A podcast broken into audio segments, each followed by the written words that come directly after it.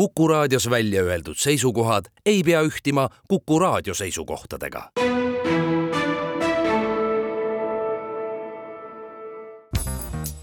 järjejutt. Tanja Takak, Lõhkine hammas Loomingu Raamatukogult, tõlkinud Hasso Krull. järjejutt. tuhat üheksasada seitsekümmend viis kui joodikud baarist koju tulid, pugesime vahel riidekappi peitu. põlved koos istusime maas ja lootsime, et keegi meid ei leia. iga kord oli isemoodi. vahel oli kuulda ainult mürtsatusi, karjumist, oigeid, naeru. vahel tuli vanaid meie juurde ja painas meid oma haige armastusega. tema armastus oli nii kõva ja raske, otse kui koorem.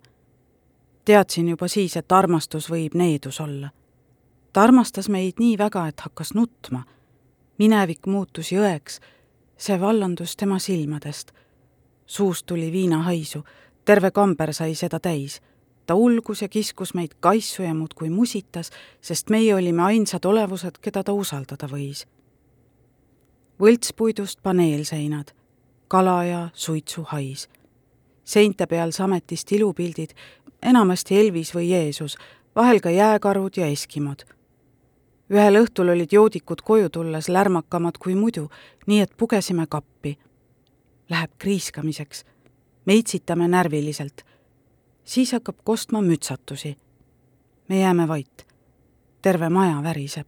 naised karjuvad, aga sellest kostab läbi üks teine heli, midagi läheb katki. ihu niiske latsatus, puidu kuiv raksatus või murdus mõni luu. vaikus kuuleme valjult tümpsuvaid samme. kurat, keegi tuleb siia. hoiame hinge kinni, kössitame ja väriseme, pungitades pimedas silmi ja lootes, et kõik läheb hästi. keegi seisab nüüd otse kapi ukse taga ja lõõtsutab. uks libiseb lahti. minu onu pistab pea ukse vahelt sisse. ta kõrgub meie kohal, tuigub ja pobiseb midagi. kusagil juuste all on tal haav, üle näo valgub verd kuulge, lapsed, ma tulin ainult ütlema, et ärge kartke. ta pani ukse kinni. kevadise sulailmaga vallandunud lõhnad keerutavad meis üles meeletu liikumiskire. õhk on nii puhas, et silekivi lõhnab teisiti kui krobeline. võib haista kilda peal voolavat vett. samblikul on magus lõhn. roheline samblik lõhnab teisiti kui must kevadel on tunda mulluse surma ja tänavuse kasvu hõngu. vanasamblik õpetab nooremale kasvamist. külm võtab elu vangi ja peatab aja. sulailm laseb ta lahti. võime haista möödunud sügisest jäänud jälgi ja kõigi vastset lagunemist, kes talve lõksu jäid. üleilmne soojenemine vallandab igikeltsast sügavamaid uitse ja meelitavaid lugusid kes teab, milliseid mälestusi jääpõhjas veel peidus on? kes teab, milliseid needusi? kui maa sosin taas atmosfääri paiskub, toob see ainult paksu pahandust. läbi jääteki hakkavad rohelised võrsed oma ujedat elu suruma. rändlindude laulud on otse kui häiresignaalid, mis meid talvisest tardumusest üles äratavad. elu ongi kohale jõudnud jää taganeb vastumeelselt, tõotades paari nädala pärast ikka kätte maksta. talv võidab alati. päike irvitab. miski ei suuda takistada seda õgimise ja sigimise kakofooniat, mis nüüd pihta hakkab.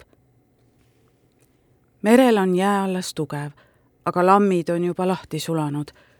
seal vonklevad sääsevastsed, kaunid ja hüpnootilised, sõlmides oma kaheksaid päris kõva kontrast, kui mõelda, mis neist mõne päeva pärast saab, kui nad verejanuliseks tsükloniks moonduvad.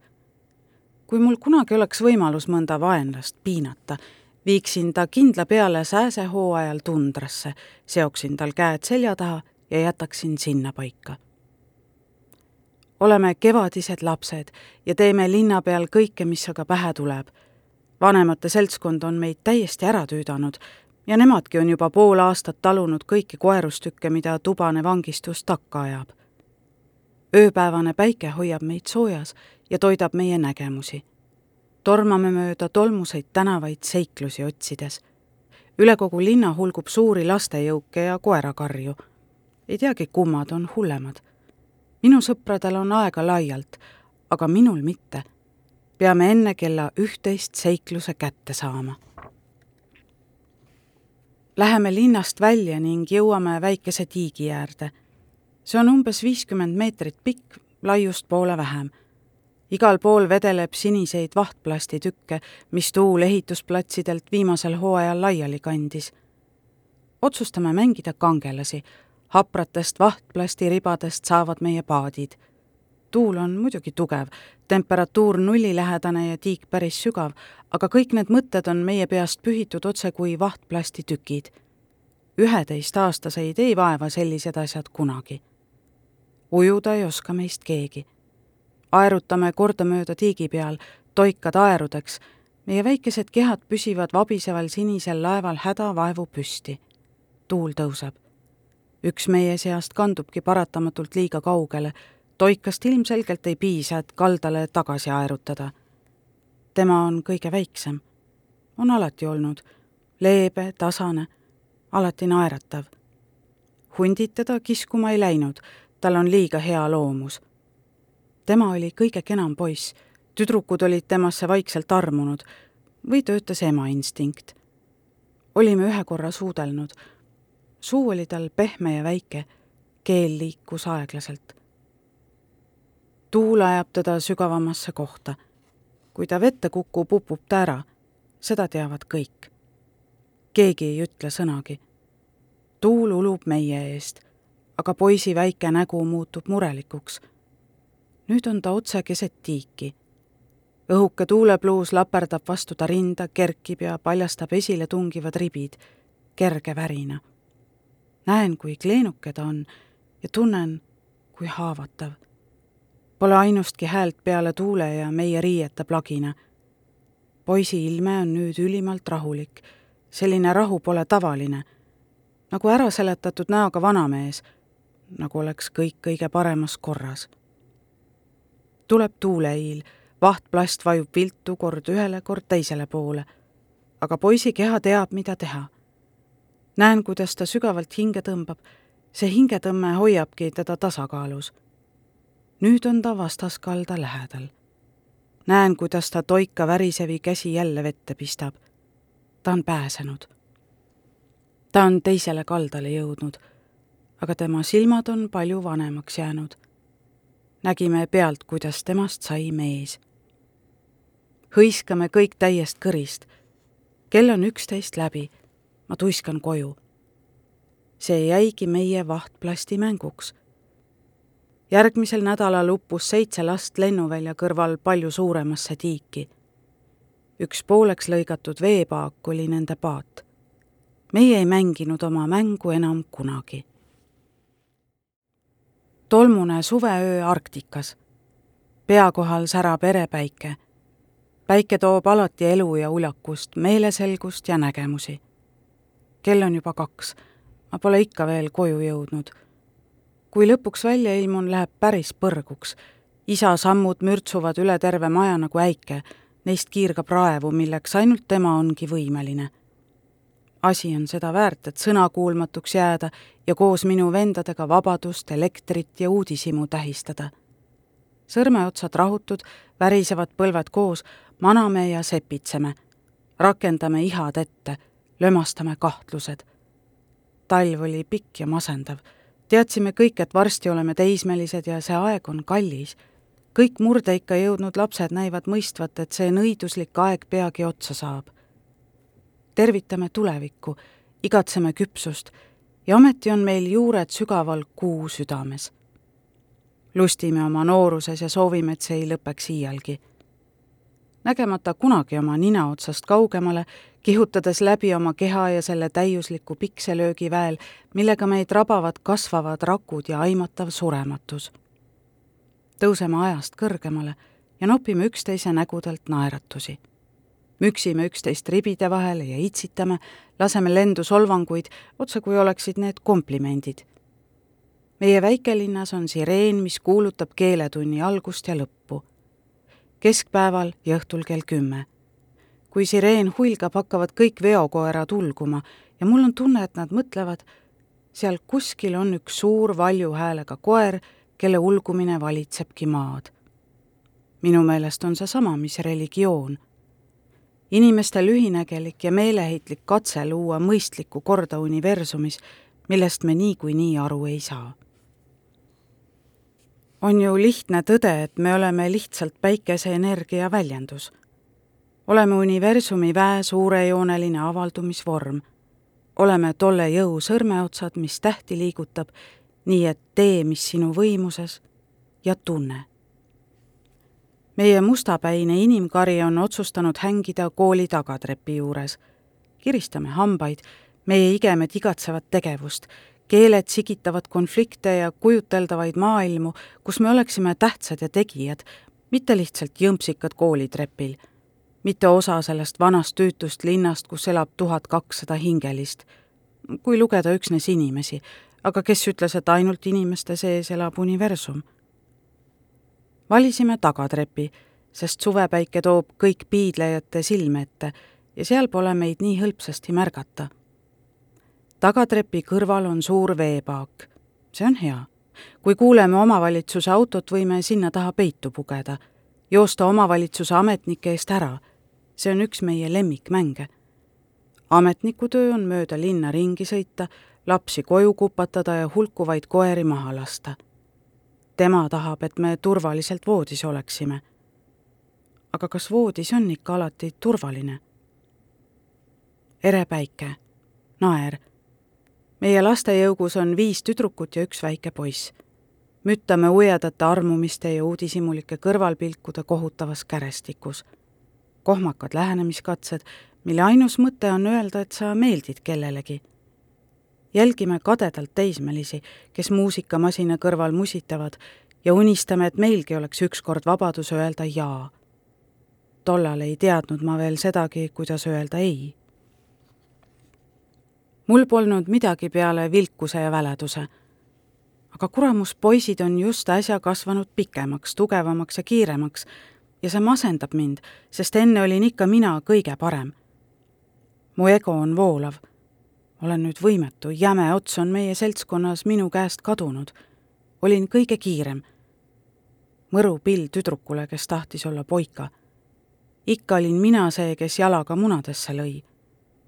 ainuke poiss, kes täna meiega hängib, on meist natuke noorem, ninatark ja väikest kasvu.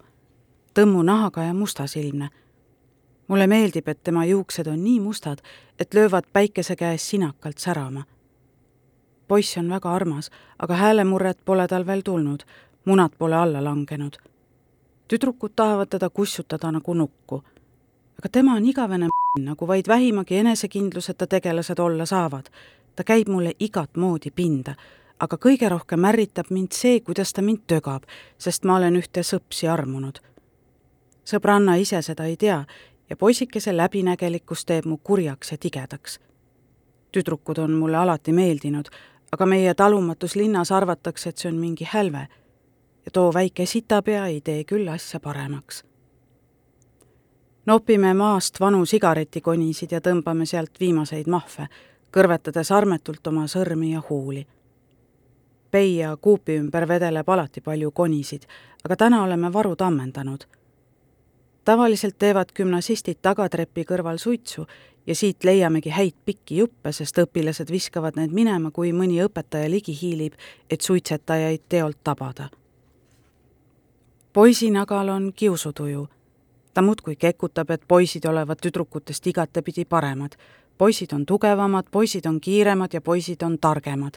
peded on vastikud ja neid ta ei salli. minu meelest on ta tüütu nagu sääsk mulle tuleb üks mõte. hüppan ülevalt piirdelt alla ja haaran tal selja tagant kinni. poiss on päris kleenuke, käänan ta suurema vaevata pikali maha ja kutsun teisi appi. naerame hüsteeriliselt. ma sikutan tal särgi seljast. poisi väike tõmmu kõht on väga prink. väike sooniline kuuspakk, kõhetud käsivarred. kisume tal ka püksid jalast. sääred on õige peenikesed. nii habras poiss tumedal nahal on riburada suuri sünnimärke. poisil on paanika ja suitsulõhn. karvu pole veel kasvama hakanud. kaks tüdrukut hoiavad tal jalgadest, üks hoiab käsi ja mina kisun tal riided seljast. nüüd on meie kord vastik olla poiss kisab, et me järele jätaks, aga meie kõditame teda nii, et ta hakkab ohjeldamatult naerma. aluspüksid ja sokid jätame jalga, et poisil liiga häbi ei oleks. Siis kahmame maast särgi ja püksid, tormame saagiga kõigest väest peatänava suunas. temaga jookseb meile järele, kisendades, et andke mu riided tagasi. kui ümber nurga jõuame, silmame teisi lastejõuke. mõtleme, et ega poiss paljalt nende ette joosta ei julge tema aga pöörab vapralt ümber nurga, naeratab neile hammaste välkudes ja sprindib edasi. hingeldame, kopsud lõõmamas ja kintsud leikides. oleme nüüd laia maailma päralt. Kandade lennates, südamete kloppides jõuame järgmise nuka taha, seal on salk täiskasvanuid. pistame rõõmust kiljuma, sest teame, et enam ta järele ei tule. täiskasvanute silme ette ei söandada ilmuda mõtlen, kui palju kordi on mulle räägitud, et ma olevat kehvem, sest olen tüdruk. mõtlen, kui palju kordi on mehed mind käperdanud, kuigi mina ei tahtnud. mõtlen, kui mõnus on lehvitada ühe nagamanni pükstega, kui ta ise on nurga taga peidus. jookseme edasi ja teeme koolimajale ringi peale. seal ta ongi, ootab meid, peletab sääski ja tihub nutta aga see ei jää viimaseks korraks, kus ta ülbuse pärast endale jama kaela tõmbab. nii et tagasiteed ei ole. nõnda ta lõpuks surma saabki. Tundras on üks väike laugas, kuhu linna piirilt jõuab umbes kolme minutiga. laugas on täis vineeritükke, mida ägedad arktilised tuuled on ehitusplatsidelt kokku toonud. talvised tuuled ja igikelts on nii võimsad, et ehitada saab ainult mõned kuud aastas. keskööpäikese all töötavad ehitajad kakskümmend neli tundi järjest. Pole mingit mõtet tööriistu käest panna ja ajada taga üht vineeritükki, mille metsik põhjatuul minema viis. vineeritükkide all leiab musttuhat liiki tuulte eest pelgupaiga. tohutus puudete avaruses saab vineer koduks puidutükk on hämar pühamu, kus varjatakse end kõigi kiskjate eest avastame vineeri alt kõikvõimalikke elukaid, mardikaid, linnupoegi ja lemminguid. lemmingud ongi minu lemmikud. Nad ehmuvad koledasti, kui ma kaitsva lae nende kohalt ära võtan ja tormavad sõgedalt minema, et pääseda koletise käest, kes nende maailma muutis. ajan neid taga ja kui kätte saan, võtan loomakese pihkude vahele ja laulan talle seni, kuni ta süda jälle normaalses rütmis lööb. topin neid endale taskutesse ühte taskusse võib korraga panna ainult ühe, sest muidu hakkavad nad kaklema. vähe on loomi, kes ülerahvastatud ruumis hästi hakkama saaksid. Minu tuulepluusil on umbes kuus taskut, kuus lemmingut päevas ja süda ongi rahul. Lähen vilistades kodu poole, oodates kärsitult, millal jõuab kätte mu igapäevane rituaal. täna on mul ainult viis lemmingut. meie maja taga on väike veranda seal on tagauks, kust keegi kunagi ei käi, nii et veranda on minu oma. sinna saab hästi igasugu asju peita ja teeselda, et kogu ülejäänud maailm on minu. Vaatan korra külmkappi, kahman sealt paar porgandit ja sellerivarre ning sätin siis lemmingud veranda põrandale. nurgas turritavad porgandid. alguses on loomakestel hirm, aga siis ei suuda nad toiduvalikule vastu panna. jätan nad sinna lemmingud mugivad mõnusasti ja hakkavad rahunema. elutoas on meil akvaarium, seal on sisalikke, tigusid ja kalu. teod paljunevad liiga ruttu, see pole akvaariumile tervislik ja seepärast algab mu rituaal mõrtsukatööga. tapan kümmekond tigu, litsudes nad vastu klaasi laiaks, karbi ja kõik muu. puruneva teokarbi prõksatus rõõmustab mind nagu leiaks tolmuimejaga unnates vaiba pealt eriti räpase koha ja kogu see saast lõksub torust alla, lauldes õõnsat koraali. minu rituaali teine osa. Võtan ühel sisalikul sabast kinni ja pistan suhu. sisalik jääb mu keele peale. väikesed iminapata varvastel klammerduvad mu maitsmispungade külge. panen suu kinni. pisut aega on sisalik segaduses ja ronib ringi siis aga hakkab tal soojas ja pimedas mõnus. ta poeb mulle keele alla ja jääb seal tavaliselt magama. Sellal, kui ta puhkab, askeldan mina muude asjadega ja teen vahepeal suu lahti, et värsket õhku sisse lasta. siis lähen vannituppa ja vaatan peeglisse. sisalik magab peaaegu alati, armsad väikesed silmad kenasti kinni. minu keel katab teda tohutu tekina. minu meelest on see jumala äge viin ta akvaariumisse tagasi ja lähen vaatama, mida mu karvased sõbrad teevad. lemmingutel on kõhud täitsa täis. Heidan veranda põrandale pikali. põlved kõveras mahun sinna pikutama. minu pikad juuksed on põrandal lehvikuna laiali. leban liikumatult. lemmingud rahunevad ja hakkavad tasakesi liikuma. Nad leiavad mu juuksed. see äratab neis uruinstinkti Nad tunglevad mu skalbi poole, otsides varjulist kohta. imepisikesed käpakesed masseerivad välkkiirelt mu peanahka. Minu juustes on varjuline, sealt nad ära minna ei tahagi. kaevanud kümmekond minutit väsivad nad lõpuks ära. et kümme minutit ongi minu päeva parim hetk. paremat massaaži ei tea ma tänini kui lemmingud väsivad, topin nad jälle taskutesse ja viin tagasi sinna, kust ma nad leidsin enne vanemate kojutulekut peab nad välja viima. lemmingutel on kõht porgandit täis ja nad on rõõmsad. homme tulen ma jälle. Ükskord leidis ema mu juustest väikese lemmingu junni. ta naeris täiest kõrist ja arutas, kuidas see sinna küll sattuda võis. ütlesin, et olin tundras pikutanud. sellest väikesest rituaalist pole ma seni mitte kellelegi rääkinud. üheksa miili järv sina, mu väike nõbu, olid ainult seitsmeaastane. mina olin suur tüdruk, juba üksteist täis. Näppasime vanemate tagant raha ja läksime poodi. Resolute Bay kuup lõhnas alati iseäralikult. see oli kuiv lõhn, natuke hallituse, kõvasti tolmu moodi. meie kehad olid nii väikesed, vahekäigud tundusid nii pikad. pidasime ägedalt nõu, mida osta ja lahkusime viimaks kahe suure kilekotiga rämpstoitu täis. Coca-Cola, M&M's, soola- ja äädikamaitselised kartulikrõpsud, kentsakas roosa popkorn, paki peal elevandi pilt. šokolaadisigaretid, isegi natuke ehtsaid sigarette. mänguväljaku juures oli vana A-kujuline ehitis. selle taga panime suitsud ette.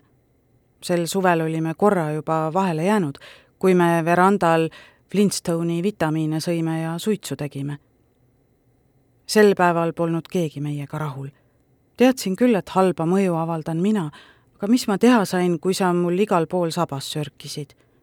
vahel mängisin vingerpussi ja jooksin ära, aga siis hakkas kahju ja ma tulin jälle tagasi, sest su väikest nutunägu nähes oli mul tunne, nagu poleks mul südant. kui ma suurte poistega hängisin, raputasin su alati maha, sest sellest poleks tulnud midagi head olid sellise kaose jaoks alles liiga väike. andsin oma parima, et sind kaitsta ja annan ikka. Aeg oli juba hiline, aga sel polnud tähtsust. päike säras taevas ööpäeva ringi, meelt hoidis erksana kõle tuul.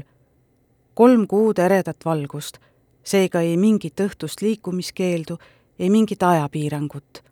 otsisime seiklust, selleks tuli tavaliselt jõuda linnast välja. tundra oli avar ja seal oli mõnesid põnevaid paiku. jõgi oli suht ligidal. Me viskasime kahetollise lati üle kärestiku kivinukkide ja turnisime üle, paludes, et see omatehtud sild ikka püsiks. võisime ka mere äärde minna. rand oli paksult adrune ja seal oli kõiksugu varandust. mäletad, kuidas me leidsime meremao? ta oli nii külm ja üksildane, kere üles paisunud mänguväljak oli okei okay,, aga seal käis iga kord üks tüüp, kes nuusutas bensiini ja muutus kole tüütuks. Parem juba linnast välja saada. marssisime oma pead ja meil oli tunne, nagu oleksime suured teismelised tüdrukud. sina oma pisikeste jalgadega jõlkusid sabas. Läksime Signal Hilli suunas. teletorni juures oli juba põnev, aga mina tahtsin kaljudele minna. tuli järsust nõlvast üles ronida sinna jõudes lõõtsutasime tublisti. Mäeharjal istudes sõime poole toitu ära ja kõlgutasime kuristiku kohal jalgu, vaadates igaks juhuks ringi, et jääkaru ei tule. minu onu laskis talviti sellest nõlvast alla. mäletan, et minu meelest oli ta raju ja ma lootsin, et suureks saades riskin minagi niisama julgelt. otsustasime, et läheme üheksa miili järve äärde. mäetipult paistis see olevat ainult paari kilomeetri kaugusel. Tookord saingi teada, et tundras on kõik palju kaugemal, kui paistab. ilma puudeta avarus sünnitab pettepilte. aga meie tulime toime kõige hirmsam oli kajakapesadest mööda saada. ringi minna ei saanud, pidime nende pesitsusalast läbi jooksma. Pole sugugi lihtne vapper olla, me jooksime kõigest väest ja sinu väike käsi hoidis mul käest. kui kajakate pesadele ligineda, hakkavad nad kiljuma ja pikeerima. Tõstsin rusika taeva poole ja vibutasin seda jooksu pealt, et nad võimalikult kaugele hoiaksid. tundsin, kuidas nende nokad minu õhukesest kindast läbi puurisid jooksime nii, mis jõudsime. isegi mõned krõpsupakid kukkusid maha meie hinnalistest varudest. kui läbi saime, olime näost punased ja lõkerdasime. sinu armast näokest tol päeval ei unusta ma kunagi. olid oma vägiteo üle nii uhke ja elevil. Võtsin su enda südamesse. siin oled ikka. tundra on hõre ja kivine. puid ei ole ja muda on haruharva samblike kasvamiseks kulub sajandeid. Nad kasvavad ja surevad ja neist saab viimaks maapind. ümberringi olid kiltkivist kaljud, jalge all teravad ja kuivad. see puhas ja õõnes rudin on ikka veel üks mu lemmikhääli. tõstsime maast ühe vineeritüki, seal all oli talvikese pesa. kolm kiilakat linnupoega kisendas meile vastu. Nad olid alles pisikesed, vast koorunud silmad polnud veel lahti läinud, veresooned laugudel olid roosakad ja tukslevad, kael jaksas vaevu pead üleval hoida. õhk oli kriiskamist täis. meil tekkis paanika, tahtsime neid õnnelikuks teha. kas nad on näljased? tegime elevandiga popkornipaki lahti, toitsime tillukesi suid. Õudusega nägime, kuidas üks popkorni neelates lämbus ja hinge heitis seemned olid pisikeses läbipaistvas kõris hästi näha. aidata ei saanud me kuidagi. linnuema jõudis putukajahilt tagasi, see ajas meid veel valjemini nutma. lahkusime kaotajatena. tundsime end nagu kurivaimud ja lootsime, et keegi meist enam kunagi sellest ei räägiks. sinuga koos tegin kõige suuremaid vigu ja teen ikka veel kui me lõpuks üheksa miili järve äärde jõudsime, oli meil hea meel, et tuul oli pisut vaibunud. see oli kergendus, sest siis ei haista jääkarud siin nii hõlpsalt. veteväli on puhas ja suur. karge arktiline vesi kustutab ruttu janu. järve veeres oli väikesi lamme, kus ujusid forellimaimud. püüdsin ühe kinni ja pistsin suhu. Lasin tal söögitorust alla ujuda saba tegi kangesti kõdi. see oli imehea. liha oli nii värske. miski virgus minu sees, vana mälestus, muistne mälestus, kuidas süüa elusat kala. ihu liitub tõeliselt ihuga. ajasin selja sirgu. kui liha elusalt süüa saad, vaimule väge juurde. sellepärast kiskjad nii tugevad ongi. Mida kaugemale surmahetk jääb, seda vähem on liha sees väge teesklesime, et oleme kajakad. me isegi ei mälunud kala, lasksime neil lihtsalt kõrist alla ujuda. toppisime end kurguni täis. kala elujõud sai otsekohe minu keha elujõuks. tema surmapiinast sai hulpiv ja kiirgav majakas taevas. kui käituda nagu merikajakas, võib-olla saabki siis kajakaks muutuda, kiljuda ja alla söösta. Koju läheksime lennates siis see juhtuski esimest korda. siin majas valitsevad ainult lapsed. koguneme ühel külmal suveõhtul. akende peal on hõbepaber, et päikest sisse ei paistaks ja uksenupu auku on topitud sokid, et väiksemad meid sealt piiluda ei saaks. maja on nüüd turvaline, ühtki joodikut pole. täiskasvanuteta, seadusteta. hängime kuue-seitsmekesi seltsiks ideaalid ja kujutlused. kõik on nii lihtne. elame sekundi haaval. mina olen üksteist. mõned mängivad kulli, tormavad rõõmust kiljudes ringi. meie istume kolmekesi paljal madratsil selg vastu seina, maailma poole seljaga. üks blondi kassett algab ikka otsast peale. Vanemad lapsed kamandavad nooremaid, kiusates neid jutuga, et vanemaid peab austama. keerutame pudeleid ja peidame asju. jäljendame üksteise võidu laulja huulte liikumist ja rüüstame köögiriiuleid. juustesse kleepub maapähklivõid ja me lagistame ilmaasjata naerda oleme juba nii kaua üleval olnud, et meid haarab mõnus naljakas pöörasus. keegi laseb puuksu ja kõik naeravad veerand tundi takka pihta. Kellelgi purskab suure lustiga ninast limonaadi, sealt tuleb välja ka vägev koll ja me naerame nii kõvasti ja kaua, et valus hakkab. tunnen, kuidas miski tuppa sisse tuleb, parempoolsest laenurgast. kuigi ma seda ei näe, tean, et see on kohal, päevselgelt minu tõeline mina tunneb selle tunde ära, tunneb ära, kust see olevus tuli ja kus ta elab. meie tegelikkuse kõrval on veel muidki reaalsusi. Teisiti mõelda oleks rumal. universum on teadvusel. see asi tuleb vägede kihtidest, mis asuvad teispool meie füüsilist taju. sinna me läheme pärast surma, seal me olime enne eostumist. Need paigad hoiavad meid aastatuhandeid universumi ajas veedame maal ainult hetke inimihus. enne sündi põimub vägi ilmselt vaimuks ja pihustub siis kehasse. Pärast surma vajab vaim ihu trauma järel lohutust, siis aga hargneb ta jälle üles ja saab väeks. hea tunne on seda paika mäletada, aga see asi, mis siia tuli, ei ole hea. kohutav on seda olevust nii selgesti tunda kui ta oleks heli, oleks ta väga vaikne, muutudes järjest valjemaks, kuni millestki muust enam mõelda ei saagi. ärevus võtab mu üle võimust. See asi kasvab ja näitab, mida ta kavatseb. see asi pole inimihust lahti saanud, ta tahab tulla minu omasse. justkui mingi väänlev läbitungiv elus hiid, kes mu ihupiiridel müttab ja märatseb. ta otsib mõnda auku, mulku või pragu, et kuidagi ihusse tungida mõtlen, mis siis küll saaks, kui ma ta sisse laseksin. mõtlen, mismoodi see juhtuda võiks.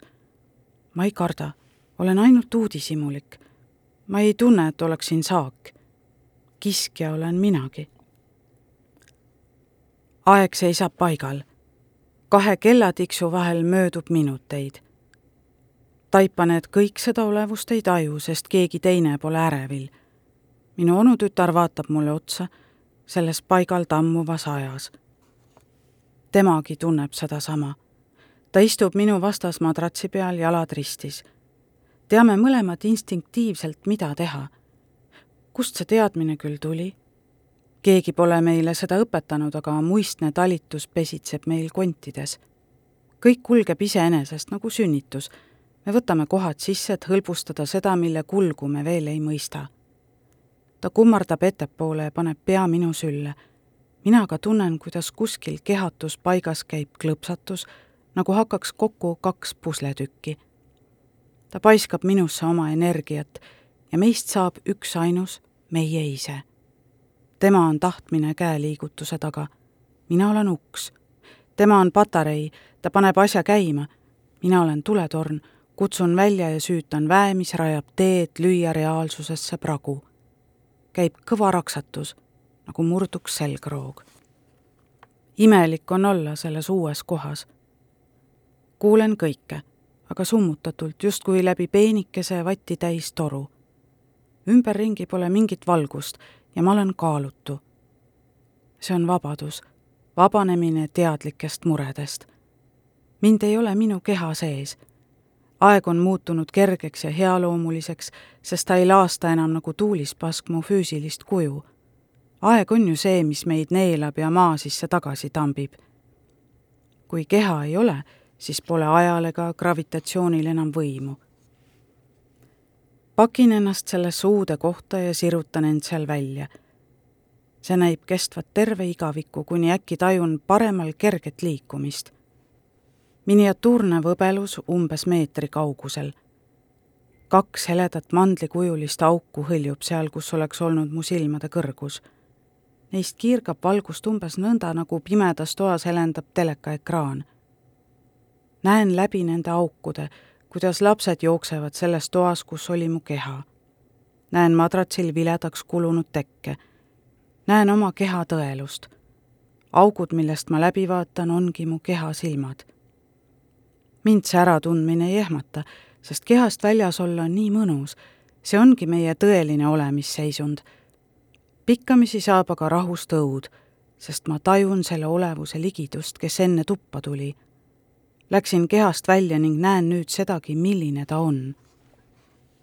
ta on väga terav, muhklik, mehelik, penilik, pikkade hammastega ja mäda.